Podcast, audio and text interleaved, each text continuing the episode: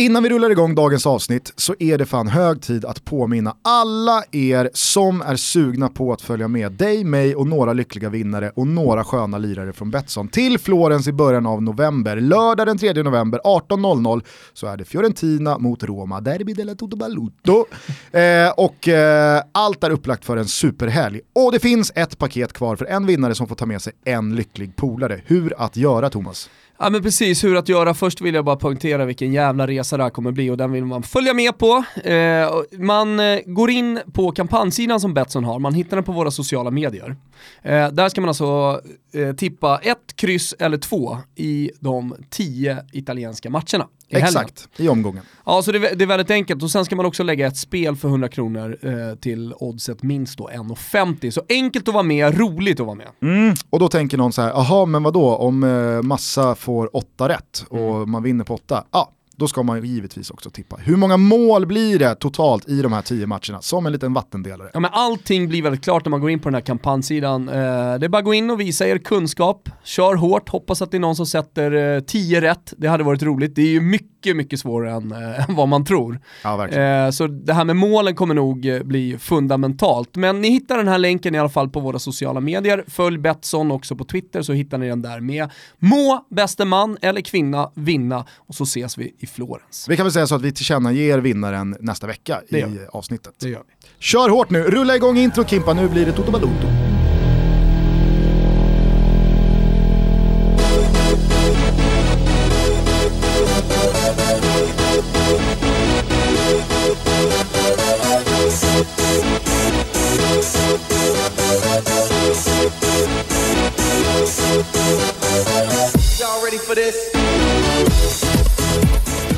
Hallå där allihopa som väljer att lyssna på Toto Balotto. Jag har blivit lite så radioröstig nu eller? Nej men jag känner att det spritter i benen, jag har bra energi. Vet du varför jag har det?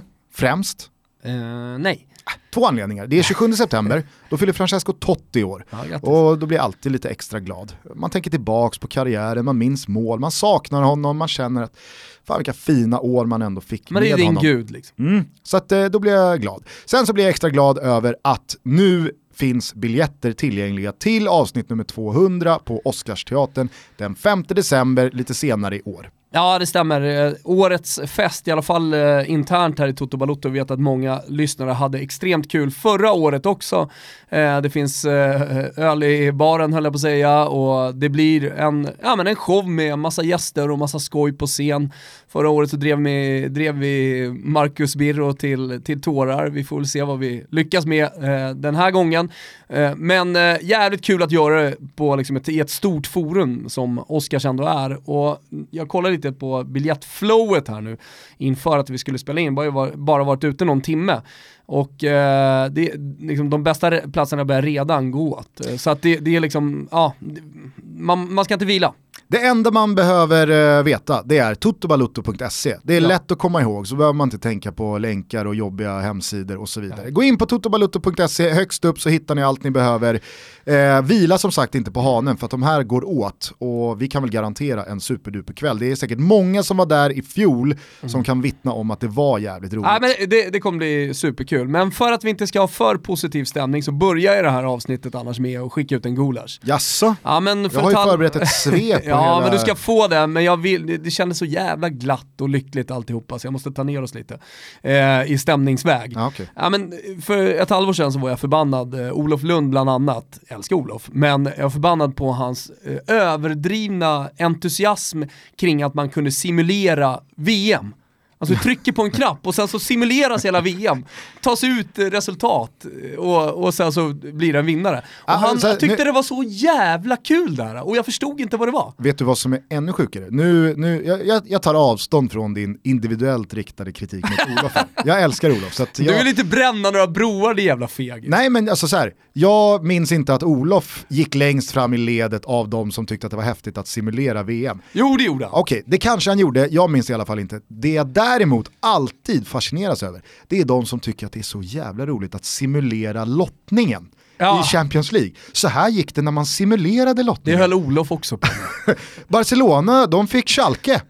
Jaha, okej.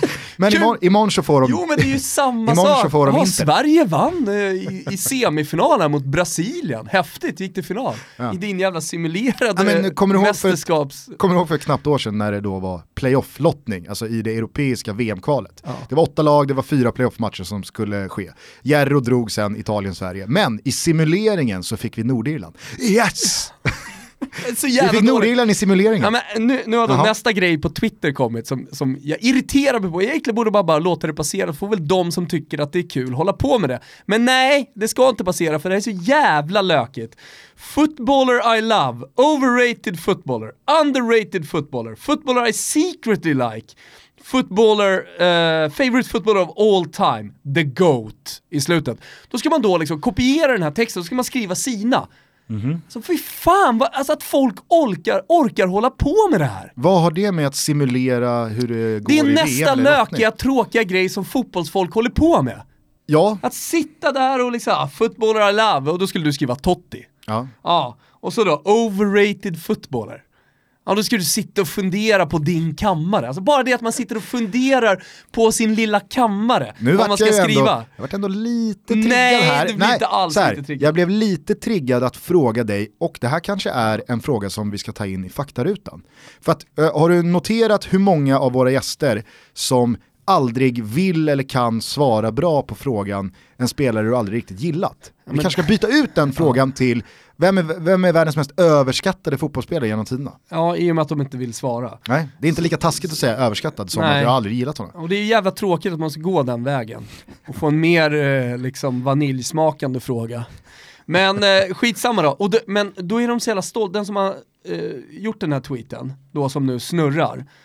Eh, han, han är så stolt över att han har då footballer I secretly like. Då kan till exempel en Inter-supporter skriva Dybala.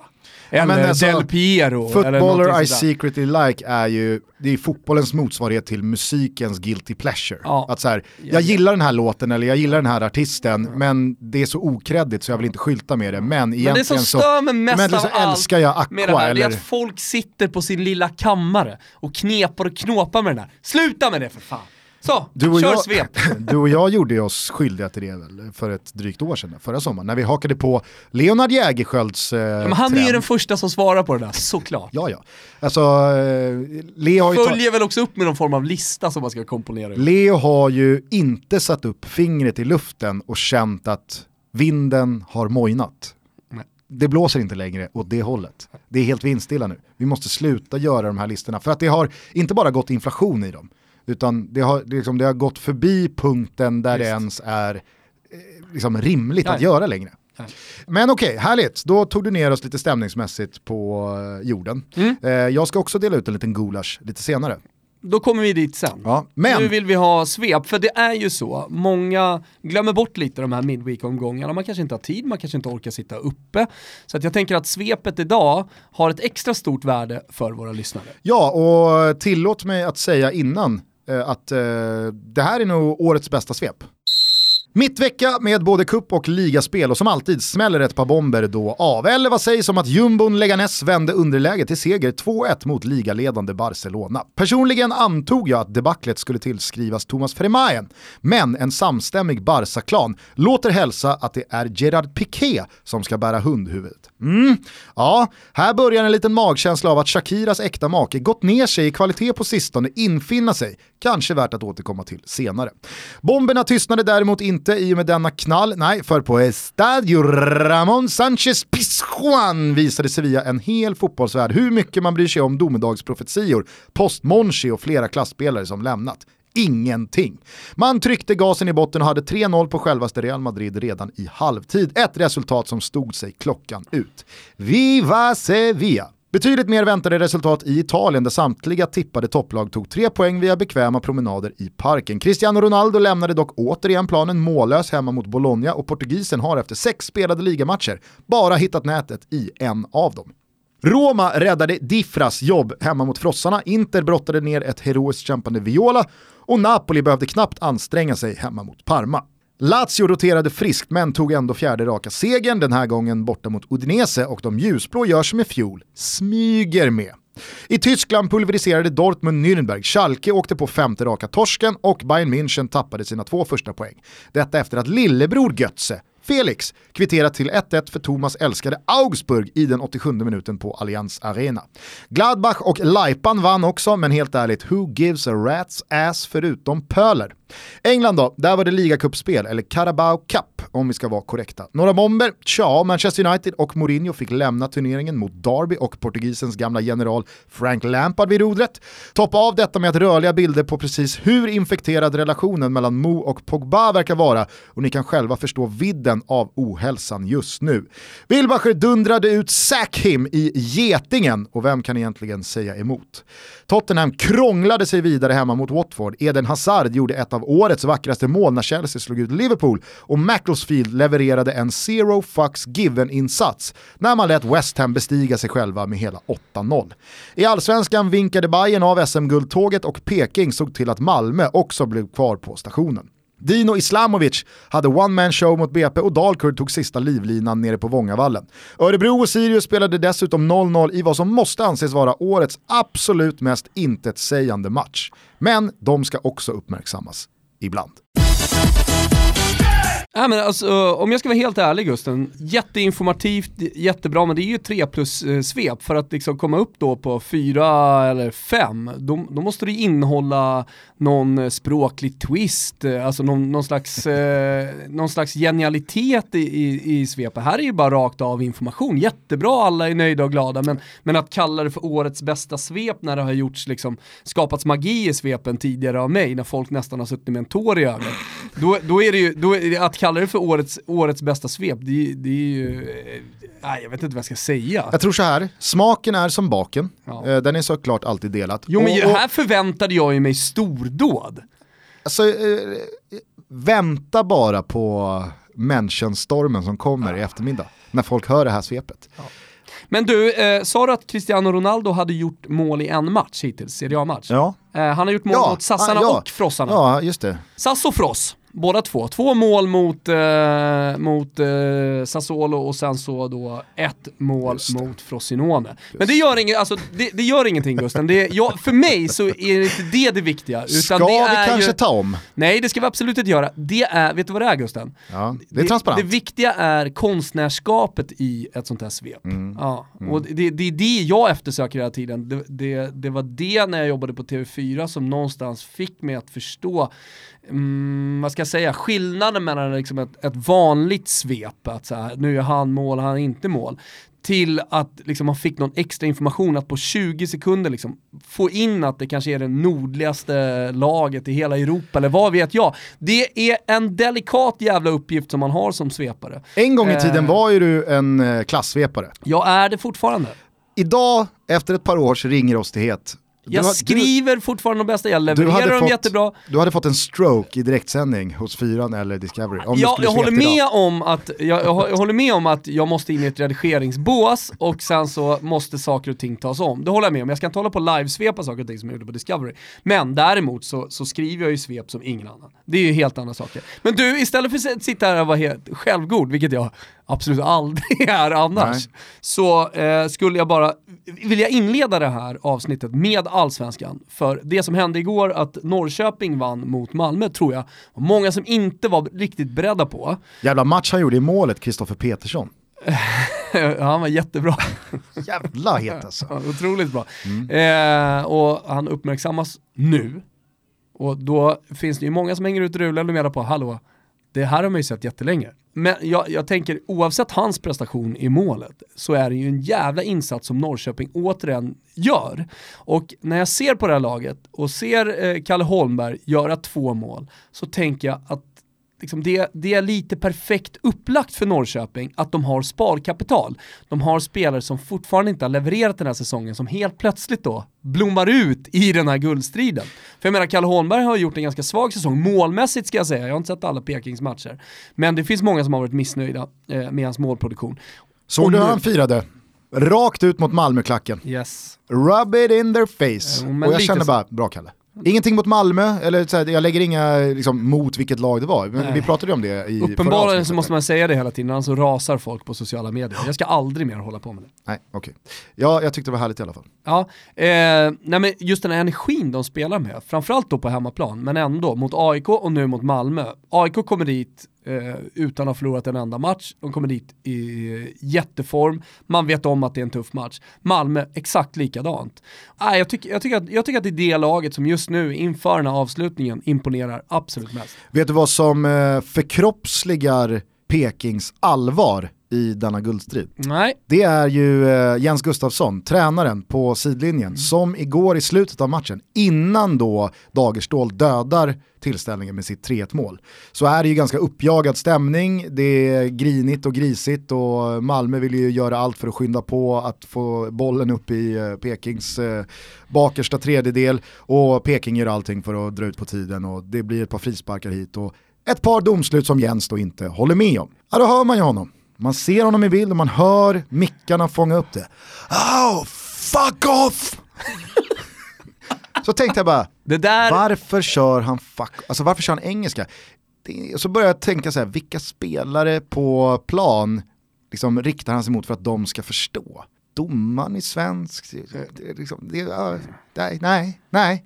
Jens har bara gått över i liksom krigsmode. Jag tror ju att det har att göra med att hans brorsa bor i England att han kanske då är påverkad av, av brodern. Jag säger bara att den annars så timide Jens Gustafsson som sällan sticker ut hakan eller säger någonting som får en att haja till eller ställer upp på att eh, något guldtåg eh, har gått eller att man är med i matchen eller att man eh, hoppas på några andra resultat. Alltså han ger ju aldrig någon någonting. När han switchar över till att bröla ut fuck off, då vet man att nu går Peking för guldet och de menar allvar och de har all rätt att göra det. Alltså jämför man spelschemat, det här spelas ju in då innan AIK eh, ska möta IFK Göteborg ikväll. Eh, alltså ser man till spelschema, AIK Norrköping sinsemellan, så är det ju absolut ett spelschema som känns lättare för Pekings del än vad det gör för AIKs del. Eh, med det sagt så kan ju fortfarande avståndet vara 6 poäng om eh, Gnaget slår Blåvitt Så ikväll. Eh, så så att det ska vi inte fastna vid. Men jag tycker verkligen att de som har kritiserat folk utanför Norrköping och Östergötland för att inte riktigt ta Norrköping på allvar. Jag menar, visst, det var ju ett läge där avståndet kändes lite för långt. Det var två matcher mot AIK, mot Malmö som skulle spelas. Vi hade ju lika gärna kunnat sitta här idag och det hade varit 12 poäng Jo, men samtidigt som man tappade mark, alltså Norrköping Precis. tappade ju mark från sommaren mot AIK, så det, det kändes som att det skulle fortsätta i den riktningen. Ja, jag menar bara att jag tycker inte, jag tycker inte att det är speciellt konstigt att vi Absolut. utanför Östergötland har varit lite svalt inställda till Norrköpings Ja, men deras inblandning, guldstrid. exakt, deras inblandning i guldstriden, jag Ja, håller med. men nu, efter de här två segrarna mot AIK respektive Malmö FF, ja, men de är motbevisade och det är fantastiskt. Ja, och då är det inte så att jag tar på mig dumstruten här nu och bara liksom, oj oj oj, Peking är ju med. Nej, Hade men då, landar inte- vi, då landar vi ju det där att man inte får säga någonting istället. Och Ja, men då det, är blir väl, inget kul. det är väl samma sak som att så här, jag skäms inte för att jag för två, tre veckor sedan sa att Bayern i allra högsta grad är med i guldstriden. Men nu, efter en poäng på fyra matcher, ja, Det gick inte det, som förväntat, då får nej. man ju revidera det och säga Sen att nej, Bayern är inte med i guldstriden-. Nej, Alltså, eh, absolut. Eh, och sen så kan det gå en omgång och så är allting förändrat igen. Så det är fortfarande hyfsat långt kvar, det måste man ändå säga. kudos i alla fall till att Jens Gustafsson har blivit någon slags William Wallace-figur. Det är nog också, tror jag, någonting som kommer med rollen, alltså kommer med att vara med i en guldstrid. Liksom. Att, att eh, känslorna, man, man når känslor som man kanske tidigare aldrig som tränare har gjort, eller i alla fall han inte har gjort. Alltså, det är högre press, det, det är en eh, större och viktigare verklighet på något sätt som, som, han är, som han är en del av och som han dessutom är en huvudperson av, som han aldrig upplevt tidigare. Och då tror jag att just eh, de där, alltså den, det, det här, de här innersta starka känslorna kommer fram. Tittar man eh, några meter till eh, höger om Jens Gustafsson så står där en Uwe Rösler som jag bara så här, karaktärsmässigt, man är lite besviken, man har, det känns som att man har blivit Hoppas på snuvad mer. på, konfekten vad gäller en liksom åldrad, stenhård, vad man har förstått liksom pre han anlände till Sverige, kompromisslös tysk som heter Uwe Rösler. Här förväntade man ju sig att här kommer en Peter Antoine eh, i 2018-tappning som bara kör sitt race. Nu kan jag tänka mig att Malmös väldigt, väldigt bra resultat sen han har eh, liksom tillträtt eh, är en faktor. Jag säger inte att jag hoppas att det börjar gå dåligt för Malmö eller att eh, förlusterna fortsätter ropa sig. Men jag har fått upp hoppet om att vi är nog en förlust kanske två ifrån en Uwe Rösler-blödning. Och den ser man ju fram emot. det gör man verkligen. För att, håll med mig, han har ju varit lite så här, vad fan skulle inte det här vara en blodhund? Det har gått lite för bra, jag menar 28 poäng på 30 matcher höll jag på att säga. Ja. 28 av 30 poäng mm. var, skulle jag säga. Eh, och då finns det ju ingen riktig anledning till en blödning. Nej, och sen så visst, man åkte ur Champions League-kvalet men löste en plats i Europa Leagues gruppspel. Nu har man dock torskat första matchen där, man är bortkopplade eh, från guldstriden. Alltså torsk mot Besikta, ja. alltså, nu har man ju Giffarna hemma på söndag va? Skulle man mot ett formstarkt GIF Sundsvall som åker ner dit eh, med gott självförtroende och allt att vinna jo, och dessutom de... tror jag i eh, de, liksom den närmsta historien har man gjort ganska bra resultat borta mot Malmö, just GIF Sundsvall alltså. Skulle man eventuellt tappa poäng där, som du jobbar här poängtappet. Då gnuggar man ju händerna inför Besiktas hemma på torsdag. Ett historiskt ganska bra resultat mot Malmö där nere ändå. Nu sitter du ju och jobbar det mentalt. Ja men jag vill minnas att eh, Noah Sonko Sundberg avgjorde med någon bicykleta ah, ja. bara för något år sedan när Giffarna slog Malmö väldigt oväntat på bortaplan. Som om det har någonting med den här matchen att göra, men jag förstår Absolut vad du menar. inte, jag menar bara du jobbar, du jobbar. två dåliga prestationer slash resultat ja. kommande närmsta framtid här då kan vi ha att göra med årets blödning. Jag, jag, jag ska inte ljuga, jag, jag håller ögon och öron öppna för att eh, UVs topplock ska flyga. Nu gäller det att hänga med. 20% har ni på Stayhard ett litet tag till. Lönen har precis kommit, det är bara att gå in på stayhard.se och handla. Och det finns all anledning att gå in på Stayhard om man gillar kläder, om man vill uppdatera sin garderob inför den här hösten och för all del inför vintern. Och det finns över 250 märken att välja och vraka bland. Jag har eh, nu i dagarna eh, klickat hem två nya mössor det är jag dags. Blir, jag blir alltid avundsjuk när du får dina kläder, när du har beställt dina kläder. Jag vill ju ha dem. Mm. Så jag kanske ska vänta med mina beställningar tills jag har sett vad du har gjort och sen så ta rygg då. Ja, det finns eh, hur mycket som helst att kitta upp sig med här nu när eh, graderna börjar krypa neråt mot nollan och man behöver värma sig lite extra. Så gå in på stayhard.se, använd koden TUTTO. Ni får alltså 20% på alla ordinarie priser. Vi säger tack till Stayhard för att ni är med och gör Toto Balutto möjligt. Stort tack och passa på nu hörni, 20% är lite tag till. Toto Balutto är väldigt glada över att välkomna ner CDLP i båten. Ja, jätteglada. Äntligen skulle jag vilja säga. Han har gått här och väntat på drömkalsongen CDLP. Precis, eh, det är ju så att eh, du och jag upplever Mm. Att eh, kalsongvärlden har gått i stå. Man är kvar i ett 90-tal fyllt av vräkiga logos och tryck, mm. dåligt material och en sexapil som man inte får någon gensvar på längre. ja, nej, och sen så sexapilen vad det gäller dig och mig, den kan man väl diskutera på olika sätt. Men man kan i alla fall göra sitt bästa för sin eh, bättre hälft och i alla fall köpa den finaste kalsongen som finns. Och, tro mig, den finaste kalsongen som finns är CDLP. Eh, du sa det här med logos, alltså tiden är ju förbi när man ska hålla på och visa upp den övre kanten på kalsongen. Vet du vad man har gjort? Nej. Man har vuxit upp. Exakt, man har vuxit upp, jag tror även de yngre lyssnarna också har vuxit upp. Det här är en lyxig kalsong, det är en stilren kalsong och framförallt så är det en jävla skön kalsong. Man känner att den är lyxig när den sitter emot, ja, vad allt den sitter emot Gustav. CDLP lanserades hur som helst för knappt två år sedan, men man har redan tagit världen med storm och säljs nu på allt ifrån NK till Selfridges i London och Barneys i New York. Alla produkter produceras i Portugal i miljövänliga material som är avsevärt mjukare än bomull och håller form och färg så man slipper köpa nya hela tiden. Du och jag har testat varsina par. Yes och vad säger man? Äh, Seventh heaven, man är i sjunde himlen. Ja men man tänkte i alla fall, eller jag tänkte innan, eh, att en kalsong kan ju inte göra så stor skillnad på ens vardag. Men den gör skillnad. Jag går och tänker på de här sköna kallingen som jag har på mig hela tiden. Så att eh, vi vill starkt och varmt rekommendera CDLP och som av en händelse så har vi också en liten rabatt va? Precis, eh, koden TOTOBALUTTO ger er 15% rabatt på era köp och ni kan köpa ett par, eh, tre par, fem par, Mm. nio par, hur många par ni vill. Testa även eh, deras strumpor som är gjorda i bambu, slipper man lukta tåbira Grymma. när man nu mer i ett halvår ish ska ha Sluta fötterna i eh, skor Exakt. hela tiden. Eh, cdlp.com är adressen och rabattkoden är alltså TOTOBALUTTO. Vi säger tack till CDLP. Men du, gör det dig något att vi går över till internationell fotboll? Eh, nej, absolut inte.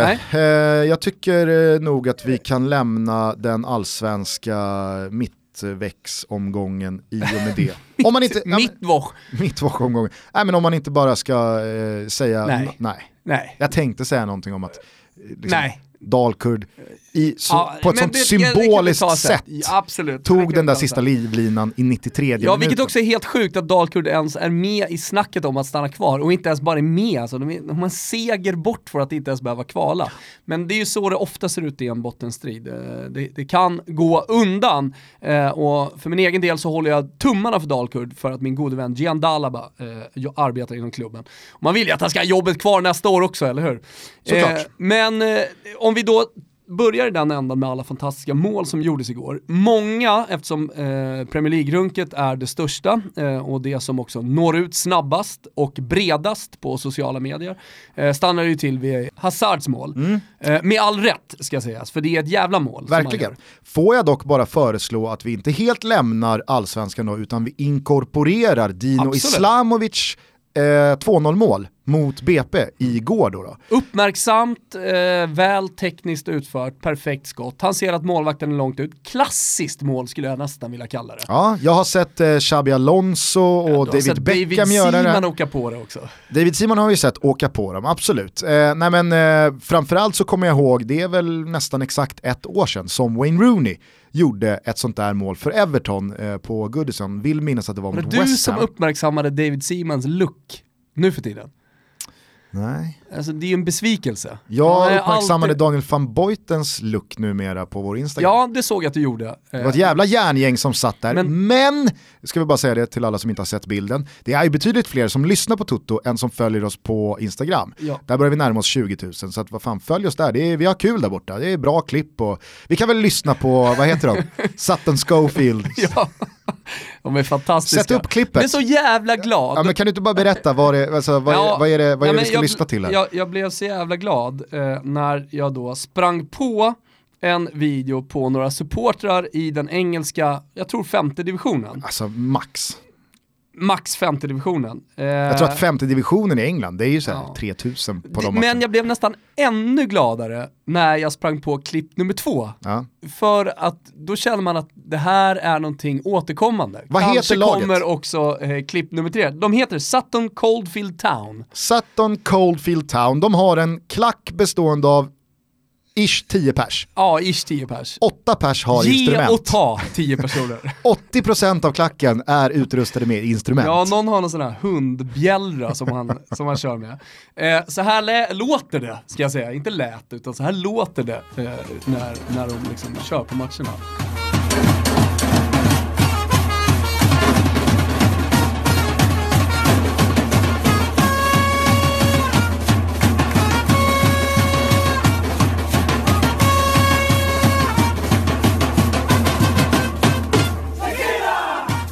De kör liksom inte... Och det blir nästan ännu roligare visuellt när man ser hur liten läktaren är. Alltså det, det är som en liten busskur de står i det- och, och kör tequila. Liksom, eh, Essingevallen. Hur som helst, där uppmärksammade jag igår tror jag en eh, bild från Oktoberfest, pågår ju nu i eh, München. Mm.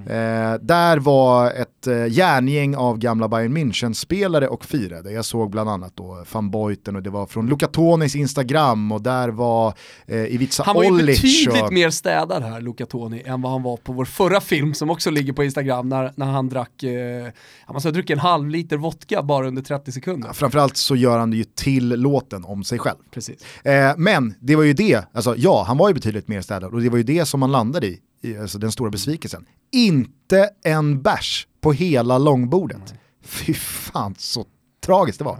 Eh, hur som helst, eh, där uppmärksammades inte David Seaman, eh, så att jag vet inte vad du är far efter där. Nå Ser han konstig ut idag bild. eller? Nej men han, han har liksom rakat av sig mustaschen vi- vill jag, vill jag minnas och eh, har klippt av håret och ser ut som en ja, men vanlig 50-taggare. Ja, okej. Så- Städad, eh, väldressad 50-åring. Att den hästsvansen rök var ju dock inte en dag för tidigt. Å andra sidan så, hela karaktären försvann såklart, men han tappar of, eh, också eh, livslust på något konstigt sätt känner jag bara på fotot. Det var lite som när Fredrik Ljungberg inte längre hade en röd mohikan. Nej, det var inte samma sak. Inte det? Nej, Nej. nej. nej, det var en helt annan grej. Hur som helst! Han blev liksom ointressant Ja. på ett nytt sätt post den frisyren. Ja, tillbaka till eh, Premier League-omgången och Hazards mål. Ja, men, eh, bara innan du fortsätter kring Hazard, eh, bara kort då, tillbaka till eh, det här målet Islamovic gör. Ja. Jag håller helt med dig. Precis som vi sa om Wayne Rooneys mål, det är fantastiskt uppfattat, det är tekniskt väldigt, väldigt skickligt utfört, man måste ha rätt tryck på bollen, man måste ha fart på den, den ska vara lång, eh, den ska ha rätt liksom, avvägning i eh, höjd och fall. Och, det är jättesvårt uträttat. Men jag kan inte ställa upp på att det är snyggt. Jag tyckte liksom, alltså, att någon uppfattar att keepern är långt ute och att man drar en långboll som seglar in i mål. Estetiskt så tycker inte jag att det är ett snyggt mål. Nej, alltså det, det stora tycker jag är ju att han uppmärksammar det. Ja, Och precis. sen så såklart är det svårt Hatten att av. utföra för det måste sitta perfekt. Ja. Så att, eh, Wayne Rooney är ännu svårare att Det är utföra. små marginaler för att ett sånt där mål ska sitta. Mm. Eh, och jag, jag, jag tycker att det är kul att du också fastnade i just snygga mål som gjorts i veckan, eller som uppmärksammats i veckan. Eh, innan vi då landar i Hazard, du såg att eh, Mohamed Salah vann Puskas Award Ja, för årets snyggaste mål. ja. Eh, vi ska direkt säga att det här är ju en omröstning som avgörs av tittarna. Alltså fansen får rösta. Och även fast det är en jury som nominerar, jag tror att det är tio mål, eh, så är det då supporterna som får rösta fram vem som ska vinna. Heter man då Mohamed Salah och är typ gud i ett land med, vad kan Egypten ha, 100 miljoner invånare. Eh, man, Ja men är- alltså ridgänget i Sverige kan kuppa in ett, ett Jerringpris så kan ju för fan egyptierna... Såg att de drog ner jävla VM-silver här i helgen, såg du det? Ja. Det luktar ju... Luktar bragdguld. Ja, alltså, Janne, alltså Janne behöver inte ens komma till Globen. Nej. Hur som helst, eh, är man dessutom den stora stjärnan i Liverpool, alltså ett globalt väldigt supportat och uppskattat lag, så är ju förutsättningarna goda att man oavsett vad man har gjort för mål kommer slå någon lirare, alltså så här, Lex Linus Hallenius som har gjort ett fantastiskt mål i Hammarby i superettan. Eh, så att eh, Salah vann Puskas Award och jag såg då för några dagar sedan på Twitter då en sammanställning av de tio senaste Puskas Award Award-målen. Zlatan är ju med där från 2013 när han gör cykeln mot England och det är ett par fantastiska mål. Giroux skorpionklack är med också och sådär. Och sen så ser man Salahs mål. Vilket Ja, det jävla mål Ja, som helst bara. Typiskt Salah-mål. Ja, han vrider in och böjer den i bortre. Och det roliga då, det ironiska är att backar man bandet till när det där målet gjordes, det här var ju alltså i eh, ligacupen. Mm. Det vann alltså inte ens månadens mål i Exakt. ligacupen, utan den månaden vann Jermaine Defoe Ja. för något mål i Bournemouth. Nej men, eh, och jag tycker också det blir symboliskt att prata om det här målet just idag när det gjordes så många fina mål igår. För jag skulle vilja säga att det i alla fall gjordes ja, minst tre snyggare mål än eh, Salas mål eh, eh, som han vann Puskas Award för. Bara igår ja. Bara igår. Ja, ja verkligen. Jag vet inte om du har sett alla? Alltså jag tänker mig att du spontant tänker kan Islamovic, med. Pastore. Eh, Pastore, eh, Islamovic kan väl vara med, ja men då har vi ännu fler. Eh, vi har också Korea Ja, eh, i eh, Lazio. Och eh, vi har Ynder i Roma. ja. Eh, som gör ett fantastiskt mål. Eh, finns ju all anledning att eh, följa den italienska ligan, låter det ju som Gusten. Eh, hur som helst, Hazards mål, det jag tycker är så jävla ballt med det, det är ju dels riktningsförändringen han gör från ingenstans. Coutinhos är inte dumt det heller. Ja, du ser. Eh, Men frågan är, är det bättre än Salas? Ja, Ja, Det är då det. så. Ja, då, då är vi uppe i fem bara igår. Ja. En, en vanlig midweek-omgång. Nej men riktningsförändringen som han gör, som ställer hela försvaret, och sen så att han hittar vinkeln på skottet. Jag tänkte, när jag såg det så tänkte jag lite på Roger Federer, som ofta eh, eller när man beskriver hans storhet är det ju att han hittar vinklar som ingen annan spelare gör och, och att han lyckas sätta dem där också. Eh, I fotbollen så har man ju ganska tydliga vinklar. Alltså kommer du i ett läge, ja men då ska du skjuta på bort eller du ska skjuta på främre.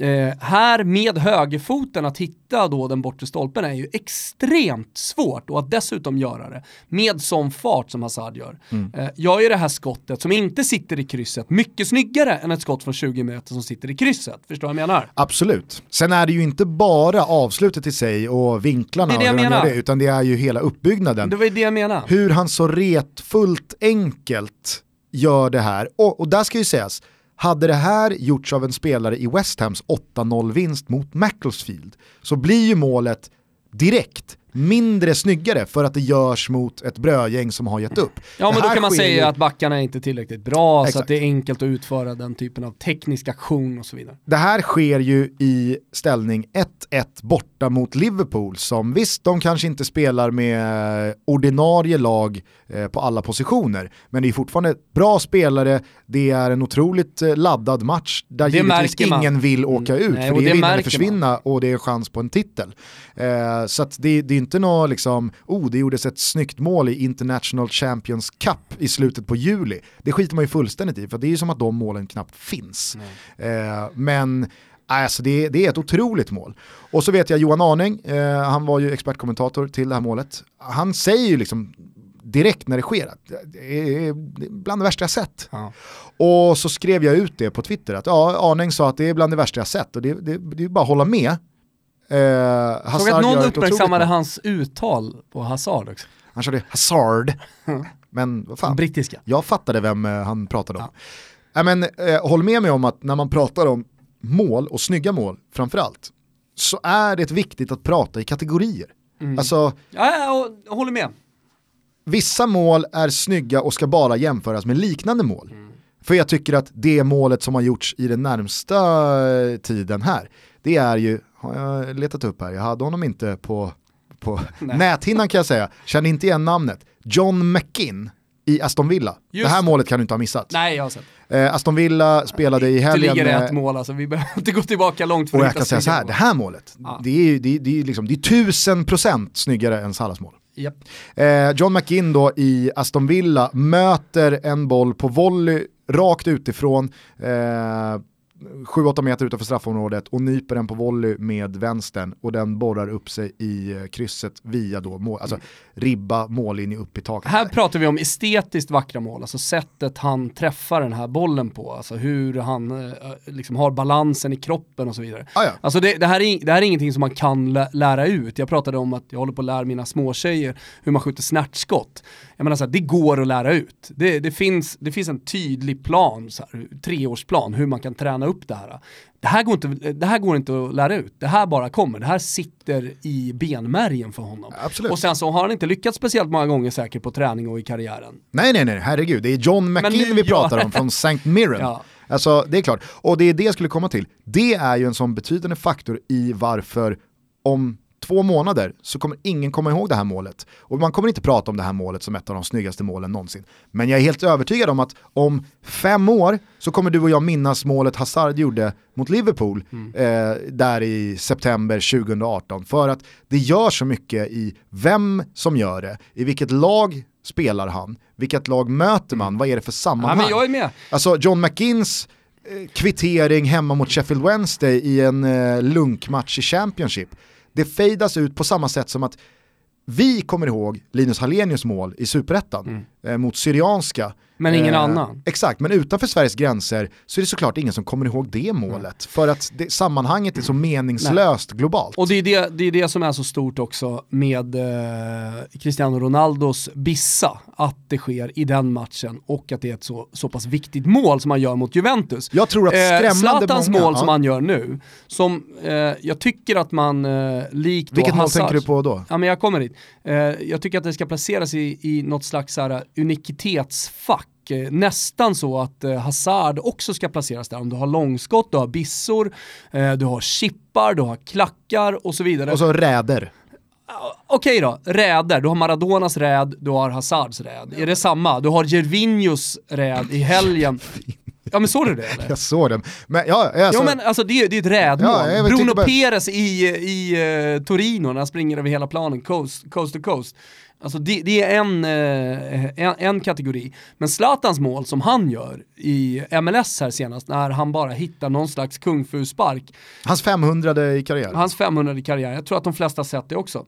Alltså det, det, det är ett mål du aldrig har sett förut. Nej, Det, det, det är en spark på ett sätt som en fotbollsspelare, liksom aldrig, en fotbollsspelare aldrig agerat på det sättet tidigare. Det var som när Andres Vasquez då med sin Rabona Mm. mot Örebro. Uppfann.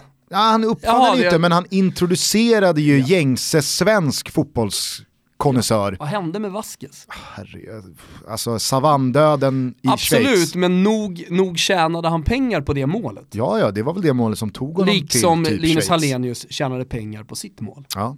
Eh, nej men eh, alltså eh, verkligen, jag, jag, jag tycker verkligen att man inte Jag tycker ska... det är fint att man kan tjäna pengar på ett mål också. Ja, ja, alltså verkligen. Och där ska jag säga så här, jag tror att om du frågar, fråga hundra fotbollsintresserade... hoppet lever för, för alla på något sätt, när man kan tjäna pengar på ett mål. Vet du vad jag i alla fall vill understryka här med vidden av vem det är som gör målet och vad det liksom så här får för, eh, vad det får för sammanhang. Alltså, jag tror att om du frågar hundra tillräckligt gamla människor som är fotbollsintresserade och som har följt fotbollen sen, ja men i alla fall tidigt 90-tal. Och så skulle du fråga de hundra, eh, vilka tre frisparksmål är de snyggaste som har gjorts? Jag tror att en skrämmande hög andel av de här hundra fortfarande hade nämnt Roberto Carlos utsida. Är Eh, det inte en av de snyggaste målen? Det, nej, alltså så här, det är det jag menar. Men det har fått stämpeln för att det dels var Roberto Carlos. Alltså, det var ju också unikt med sexigaste, den. nej, men den sexigaste vänsterbacken som liksom så här, typ någonsin funnits fram till Marcelo. Det var i brasilianska landslaget. Bert Carlos var sexigare. Mycket sexigare. Om det tvistar de lärde, men du förstår vad jag menar. Ja. Dessutom så var det precis i breaket för internet. Alltså, det började liksom så här. have you seen this? Mm. Ja, Man, man, man, det kunde spridas på ett helt annat sätt. Även fast det var i Confederations Cup, eller för-VM, som vi säger här i Sverige. Det var väl mot Frankrike tror jag. Alltså tittar du på den frisparken idag, helt ärligt, om du säger, ja det gjordes fem snygga, snygg, det gjordes fem, Tonne. Det gjordes fem snyggare mål än Salas Puskas Award-vinnande mål bara i den här mittwoch-omgången. Så är jag benägen att säga att det har gjorts 10 000 frisparksmål som är snyggare än Roberto Carlos yttersida. Han, han mör sig ju bara på. Fa- Fast på ett sätt så är det ju, alltså han har ju en träff gjort. som ingen annan liksom har haft. Eller? Nej, för att han träffar bollen så att den en får en sån, fast det får en sån skruv Gusten. Det är ju det som är hela grejen. Den är ju tre meter vid sidan av målet, sen så dyker den in. Jag säger bara att liksom det, det, det är ett sånt här mål som lever vidare som ett av de absolut snyggaste Ja, frisparksmålen någonsin förstå- för att den måste också- sanningen har etablerats. Jo, fast du måste också förstå vikten av att göra Panenka först. Alltså, det, det, ingen hade ju skjutit en så hård frispark med den skruven tidigare. Nej jag vet, jag säger Så, så att jag menar så här, att, att göra någonting först, det ska också premieras med att man ska komma, ko- komma sig ihåg länge. Ja, och där är väl ett superexempel på liksom Maradonas räd i Exakt, eh, rädernas 86. räd. Även om det har gjorts, Det har ju gjorts Bruno räder. räd är ju fetare. Messi har ju ett par sjuka räder också. Sen Men de hade kommer inte kunna funnits- tävla med Maradonas för att det rädmålet har satt sig på tronen och, och liksom sagt till alla, bry dig inte ens om att tävla med mig. Jag vill ju också få Maradonas då mål eh, till ett självmål. Alltså hade det funnits 4K-kameror och eh, superduper-skärmar på den tiden, då hade man också sett att det var en engelsk back som var på den här bollen, att det inte var ett pet av Maradona. Okej, ja. Hur som helst, jag tycker att det är, eh, i alla fall är eh, viktigt en sån här stund, när mål, snygga mål diskuteras och man viktar dem mot varandra, att det är inte fel att prata om kategoriska mål, för att man ska inte liksom jämföra äpplen med päron. Det är inte bara snygga mål som snygga mål. Jag kan förstå att folk uppskattar en eh, Islamovic-strut eller en Wayne Rooney-liknande kasse från i fjol och så vidare. De typerna av mål. Det är bra uppfattat, det är tekniskt bra utfört och så vidare. Personligen så tycker jag inte att det är estetiskt snyggt. John McKinns volley däremot, det är ju ett mål som, alltså det faller mig i smaken så jävla mycket så att det Ja. är liksom så här, det, det är verkligen ett snyggt mål Ja, men det är ett sånt mål som man, som man säger, det kan jag kolla på hur många gånger Ja. som helst. Men jag vill inte jämföra det eller ställa det mot Hazards mål, för jag tycker Nej. att Hazards mål i sitt, i sitt fack, i sin kategori, är ett otroligt snyggt mål också. Eller då mot till exempel Pastore som gör sin andra klack för säsongen i bortre stolpen. Lågt inlägg kommer, Pastore möter upp med, eh, med klacken. Och trots att han har gjort två så är det fortfarande Quagliarella som har gjort den snyggaste. Som har gjort det snyggaste, synd för Pastore. Eh, och sen har vi då Koreas mål som jag tror är det målet som har gått de flesta förbi. Han kommer in i straffområdet, möter Larsen i Udinese.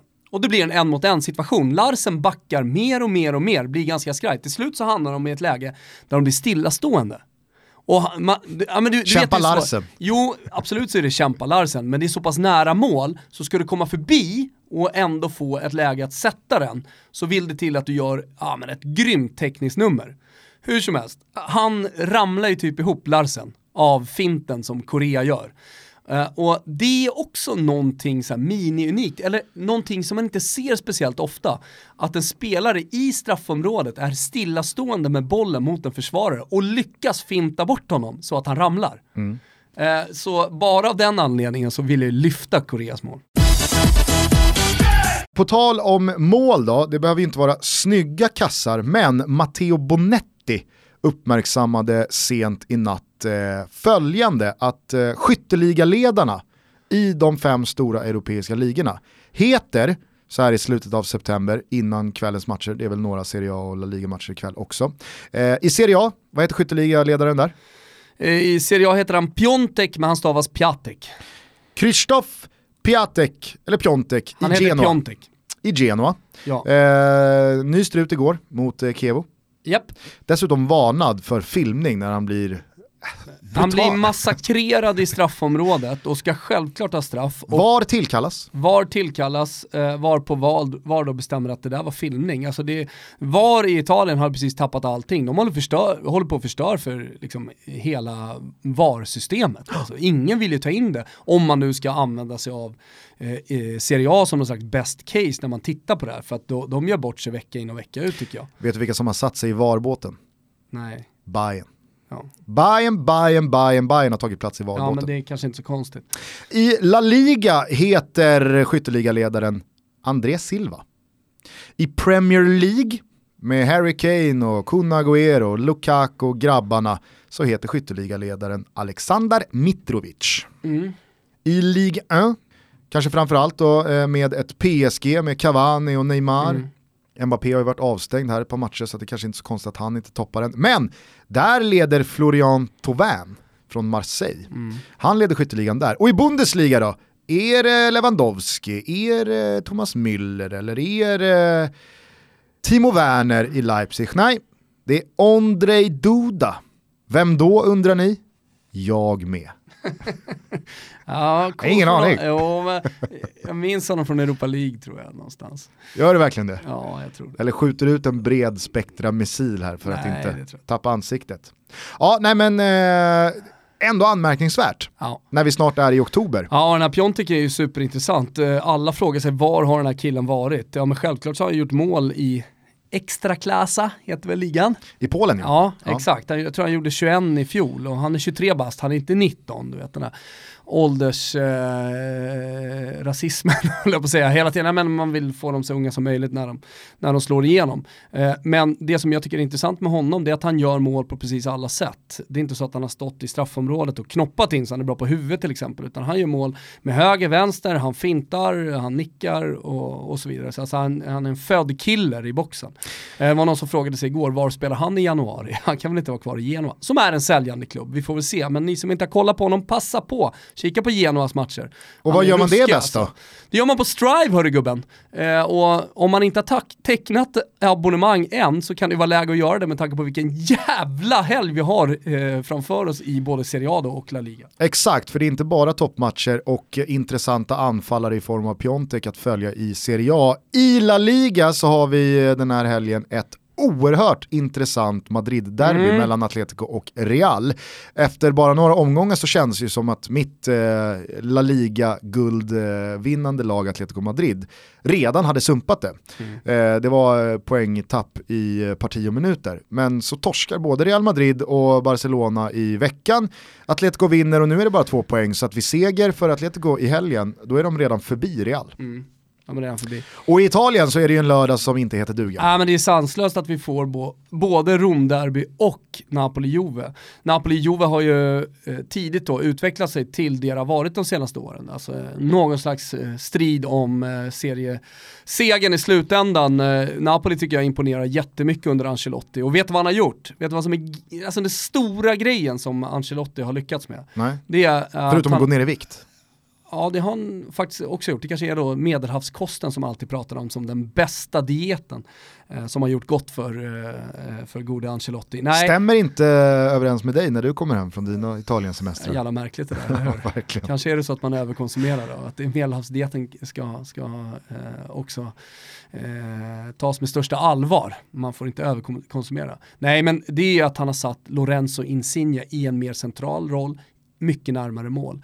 Eh, symboliserar starkt av målet som Insigne gör igår. Han står alltså mitt inne i slottet och sätter eh, en, eh, en passning från, är det Milik? Kanske. Eh, och och det, det är ju, eh, tycker jag, liksom den stora skillnaden med Napoli nu. Ancelotti har ju sakta försökt att då Eh, transformera Napoli till hans sätt att spela. Men han är smart också, så han har inte tagit bort för mycket av det Sarri har gjort. Men eh, med tiden under de här två månaderna som han, ja, så sakteliga då närmat sig Ancelottis eh, spelfilosofi. Och alltså, jag, ja, jag tycker att han har gjort det så, så jävla fint. Eh, och nu spelar helt plötsligt Napoli en mycket rakare fotboll. Eh, jag tycker att man känns lite mer eh, stabila bakåt också.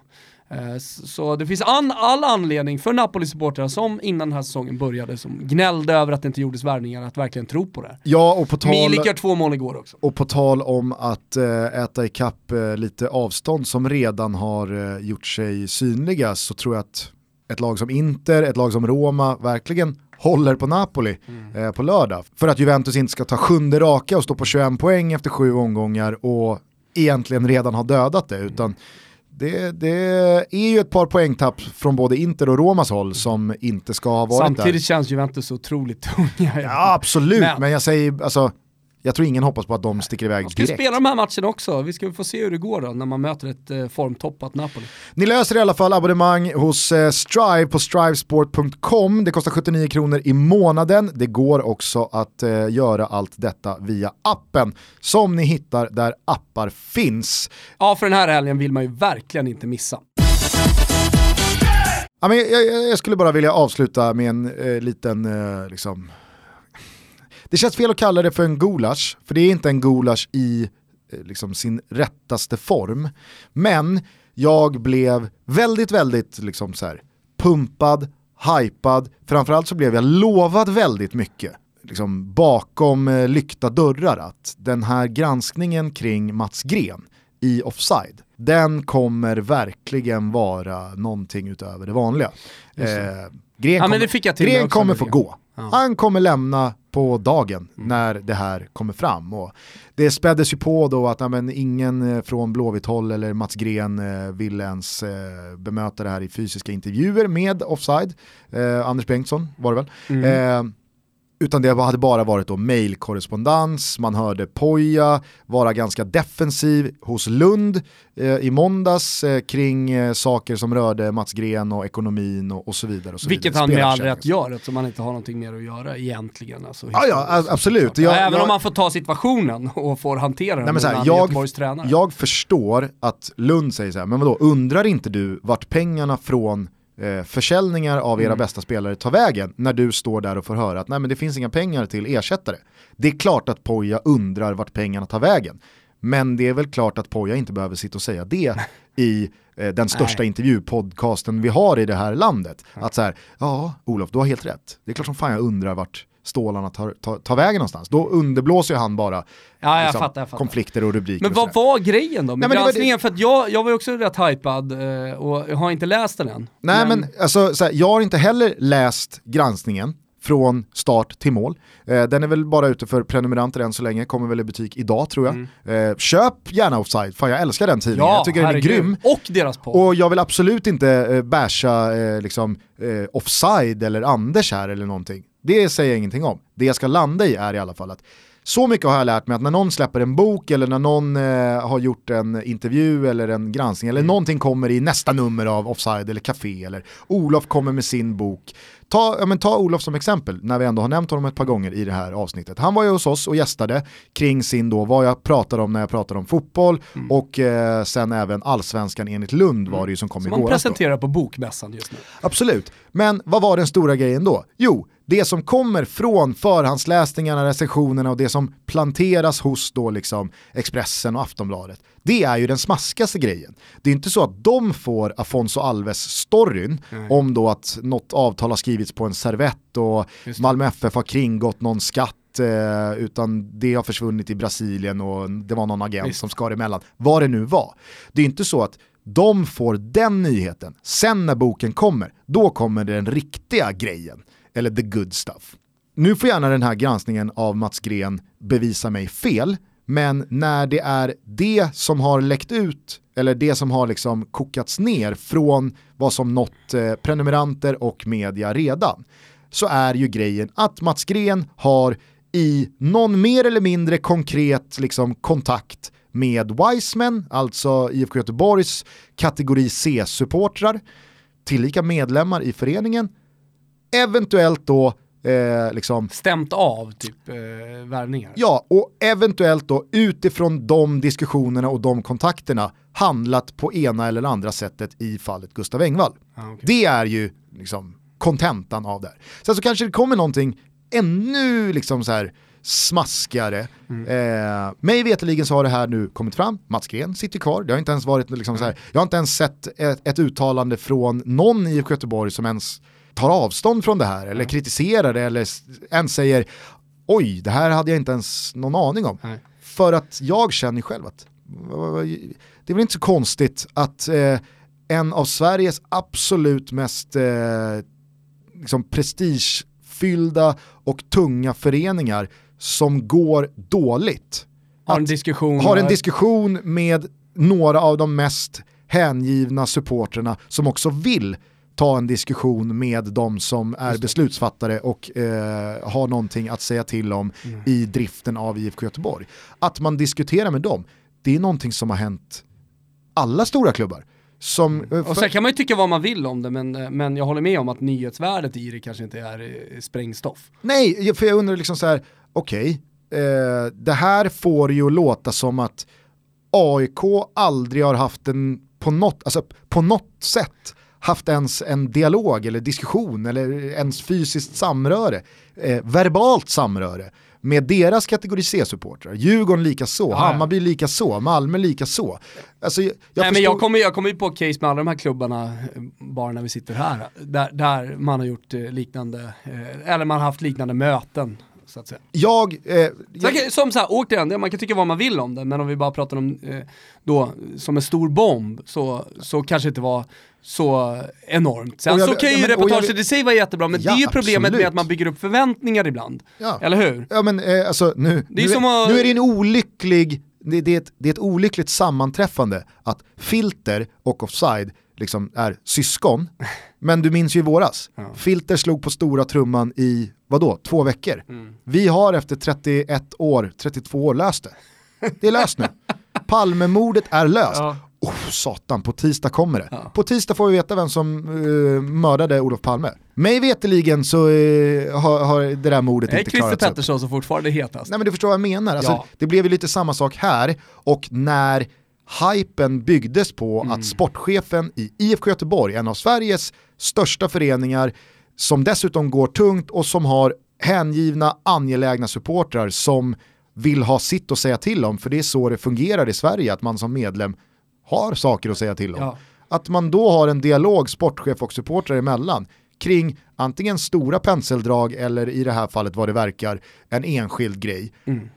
Och sen att det kanske leder till att det påverkar Mats Grens beslut åt det ena eller andra hållet. Jag, jag tycker inte det är så Nej, du vet var jag står där jag tror att jag, lyssnare som varit med i den här podden vet också var jag står där. Jag, jag, jag, håller, jag, jag håller med. Mm. Det, det, det, var inte riktigt så smaskigt som man hade eh, kunnat tänka sig. Eh, och då vill vi också säga att Johan Orenius är ju på väg in här i studion. Inte nu, men om några veckor va? Ja, och det är vi väldigt glada över. Vi prata om det. För att jag vill verkligen understryka det. Alltså jag, jag vill inte tror, dissa offside. Jag, tror att Anders jag gillar Bengtsson, både Johan och Anders. Och jag, jag hade... tror att Anders Bengtsson är med, om jag inte såg fel, i BB-podd, alltså bara Blåvitt. Eh, den jättefina podden om man nu är intresserad av eh, Blåvitt. Och då behöver man inte vara Blåvitt-supporter, som man kan lyssna på. Eh, där man då pratar om eh, just den här granskningen. Framförallt så var ju Anders Bengtsson med i Vem vet mest här för ett tag sedan. Och det togs upp väldigt roligt i deras podcast, hade jag mycket glädje alltså åt. Alltså i eh, tv-programmet? Anders var med i Vem vet mest? Jaha. Och sen så sändes det då bara för två veckor sedan kanske. Och i Offsides podcast avsnitt efter det så hade Johan Orenius väldigt roligt åt detta. För att eh, Anders Bengtsson då förlorade på en väldigt sur fråga i slutet. Okay. Så att, ah. det var väldigt roligt. Lyssna på Offsides podcast, köp Offside. Och såga deras jävla granskning. Fan vad du inte vill bränna broar Gustav. Jag vill inte bränna några broar, jag vill bara uttrycka mitt så här... Jaha. Mats, Gren, Mats Gren har surrat med några gubbar från Wiseman. Ja. Aha. Jag fattar. Okej. Okay. Ja, ja. Eh, hörni, Toto Balutto rullar vidare. Återigen då, då in på totobalutto.se om ni vill säkra era biljetter till avsnitt 200. Det vill ni. Kanske ska vi slå en signal till eh, Orenius och Anders Bengtsson. Och ha någon slags eh, stand-off på scen. Ja, kanske det. I Vem vet mest? ja, nej, ja. Kanske det. Kan du vara årets och... sämsta idé. Nej, fy fan, alltså Johan Orenius hade väl älskat att få vara Rickard Olsson i någon slags här fotbollsmässig Vem vet mest på scen mellan mig och Anders Bengtsson. Ja. För jag tror inte du jag, ska... Nej, du jag är inte in, helt emot det. Jag är inte helt du ska inte ställa dig eh, vid podiet där. Det dina, finns fortfarande dina glödlampor hade släckts ner och så hade du stått nej. i ett mörkt hörn av scenen. I, i så här, lite ska börja så att jag bara står i ett mörkt... Du vet ju hur det låter också i Vem vet mest när de släcks. Ja. Äh, det, vi, vi, har några luckor fortfarande under de här timmarna eh, som vi ska ha våran show, så det, det, kanske finns plats för det. Vi får väl se och vi får se vad de svarar på det. Nu ska vi gå ut och eh, göra torsdag Gustav. Ja, eh, jag vet inte om mitt budskap gick fram. Säkra era biljetter ja, till avsnitt 200. Ja, absolut. Vi ska inte tjata för mycket. Ja, pyspunka på den här avslutningen. Tack så jävla mycket för att ni lyssnar. Fortsätt göra det. Sprid vårt gospel. Vi hörs på måndag igen. Ha en eh, riktigt skön hösthelg. Och eh, så jobbar vi in, vad då Gusten? Cremonese. Ja, det var ju Cremonese Cosenza Jajamän, de, ligger, de ligger nu i toppen. Vi jobbar dem mot Serie A. Ja. Eh, grattis igen till Francesco Totti. Ciao tutti. Un po' mi manca l'aria che tirava o semplicemente la tua bianca schiena. Na na na na na na na na. E quell'orologio non girava, stava fermo sempre da mattina a sera. Come me lui ti fissava. Io non piango mai per te non farò niente di simile, no, mai. No, no, no, no, no, no, no, no, sì, lo ammetto un po', ti penso,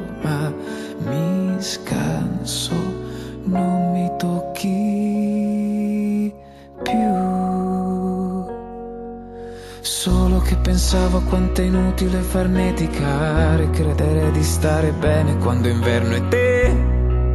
Togli le tue mani calde, non mi abbracci e mi ripeti che son grande. Mi ricordi che rivivo in tante cose. Na na na na na na Case, libri, auto, viaggi, fogli di giornale Che anche se non valgo niente perlomeno a te ti permetto di sognare e se voglia di lasciarti camminare. Scusa, sai, non ti vorrei mai disturbare, ma vuoi dirmi come questo può finire? Non me lo so spiegare io. Non me lo so spiegare.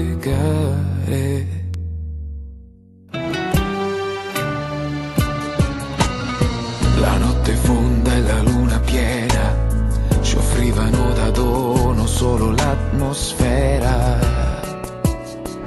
ma l'amavo e l'amo ancora, ogni dettaglio è aria che mi manca, e se sto così sarà la primavera, eh, ma non regge più la scusa, no, no.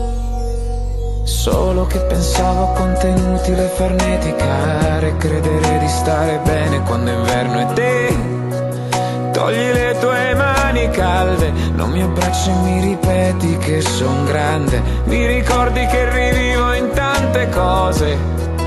Na na na na na na. Case, libri, auto, viaggi, fogli di giornale Che anche se non valgo niente perlomeno a te